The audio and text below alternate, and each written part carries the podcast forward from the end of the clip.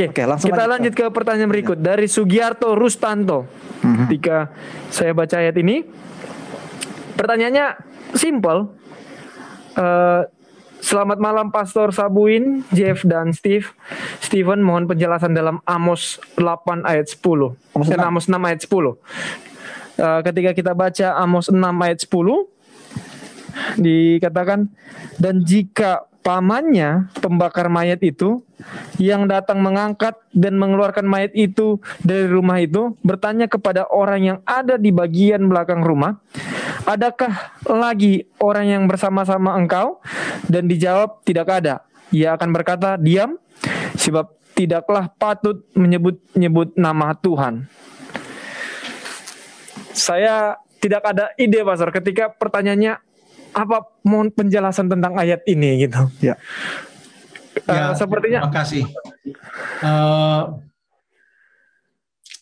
ya, apa arti daripada ayat ini dan memang pertanyaan yang paling eh, tidak akan habis-habisnya orang bertanya tentang Alkitab kalau pertanyaannya adalah tolong jelaskan ayat ini.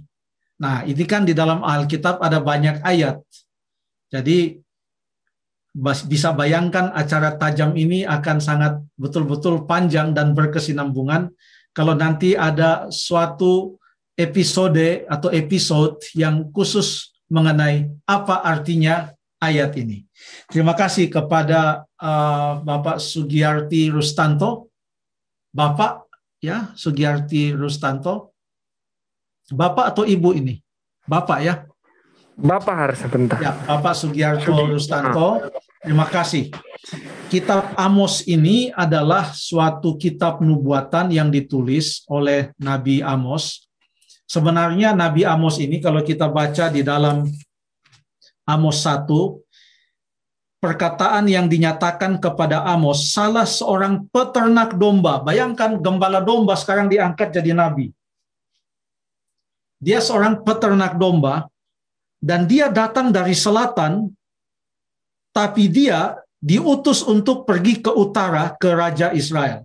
Jadi Nabi ini datang dari selatan karena kerajaan sudah terbagi utara dan selatan semenjak Rehabeam dan waktu itu ada pemberontakan, Yerobeam memberontak, maka kerajaan Israel terbagi dua, yang lebih besar biasa disebut dengan kerajaan Israel, dan menyisakan kerajaan Yehuda yang terdiri dari suku Yehuda uh, dan ada suku mungkin suku Benyamin, sementara yang lain-lainnya semua di utara. Samaria ibu kotanya. Jadi dia datang dari selatan ke utara, sesuatu yang unik, tapi pekerjaan dari seorang nabi Tuhan itu adalah lintas wilayah, bukan hanya untuk satu wilayah, saja tetapi lintas wilayah. Kalau Tuhan sudah usul, sudah utus Yunus saja diutus dari tanah Israel, diutus pergi ke Niniwe, ya itu di daerah uh, Assyria, Niniwe di atas. Lalu pada waktu Amos ini mau menegur Israel, dia tidak langsung. Coba kita ikuti di Amos pasal 1 dia mulai dulu dari Damsik. Ayat yang ketiga, karena tiga perbuatan jahat Damsik. Ayat yang keenam, tiga perbuatan Gaza. Jahat ya. Ayat yang ke-9, tiga perbuatan jahat Tirus.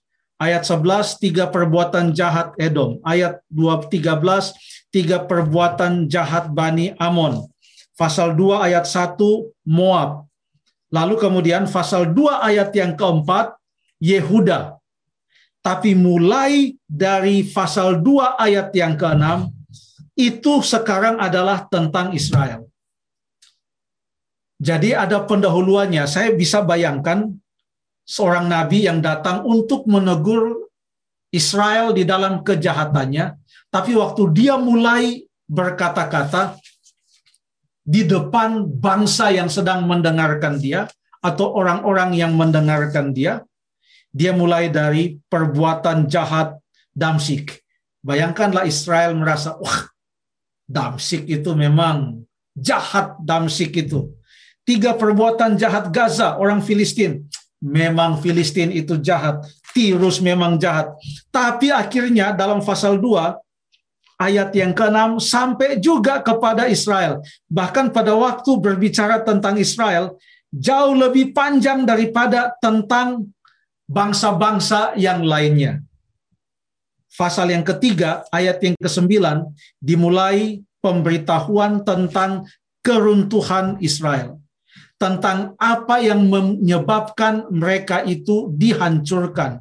Mereka itu binasa. Dan kebinasaannya sungguh luar biasa. Nah, Amos pasal yang keenam adalah merupakan salah satu gambaran seperti apa kebinasaan yang akan dihadapi oleh bangsa Israel itu oleh karena mereka telah memalingkan diri mereka membelakangi Tuhan. Mereka melawan Tuhan. Tadi sudah dibaca tapi mungkin dibaca dari ayat yang ke-9 mengatakan dan jika oke okay, ayat yang ke ayat yang ke uh, 8 dulu. Tuhan Allah telah bersumpah demi dirinya demikianlah firman Tuhan Allah semesta alam Aku ini keji kepada kecongkakan Yakub dan benci kepada purinya. Aku akan menyerahkan kota serta isinya. Bagaimana gambaran? Ayat 9 dan ayat yang ke-10 adalah merupakan suatu gambaran yang ada dalam benak Amos sebagaimana disampaikan oleh Allah melalui dia tentang seperti apa keadaan Samaria, keadaan Israel pada waktu mereka akan dibinasakan. Ayat 9. Dan jika masih tinggal 10 orang dalam satu rumah, dalam kota yang akan dibinasakan itu, kalau masih ada 10 orang dalam satu rumah, mereka juga akan mati. Walaupun mereka berusaha menyelamatkan diri. Lalu kemudian ayat yang ke-10. Makanya di dalam ayat 9 dikatakan dan jika artinya sesuatu yang digambarkan, diimajinasikan kurang lebih seperti itulah gambarannya diilustrasikan. Seperti itulah ayat yang ke-10. Dan jika pamannya pembakar mayat itu yang datang mengangkat dan mengeluarkan mayat itu dari rumah itu bertanya kepada orang yang ada di bagian belakang rumah, "Adakah lagi orang bersama-sama engkau?" Dan dijawab, "Tidak ada." Ia berkata, "Diam, sebab tidaklah patut menyebut-nyebut nama Tuhan." Sudah terlalu jahat mereka menentang Tuhan. Bukan lagi waktunya bagi mereka mencari Tuhan bila mana kejatuhan dan pembinasaan itu terjadi. Itu adalah waktu penghukuman bagi mereka, bukan lagi waktunya mereka untuk mencari Tuhan. Ini yang digambarkan. Apa yang dimaksudkan pamannya pembakar mayat itu?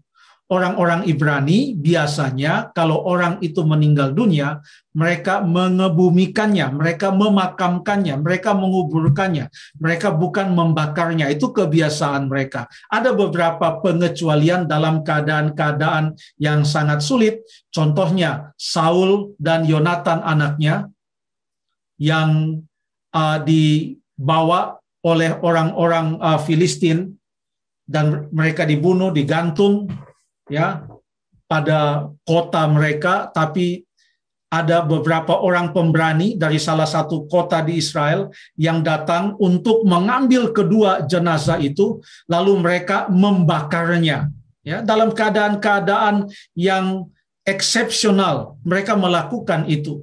Kita bukan lagi membahas tentang apa namanya uh, kremasi dan pemakaman sebagaimana biasa. Bukan itu konteksnya.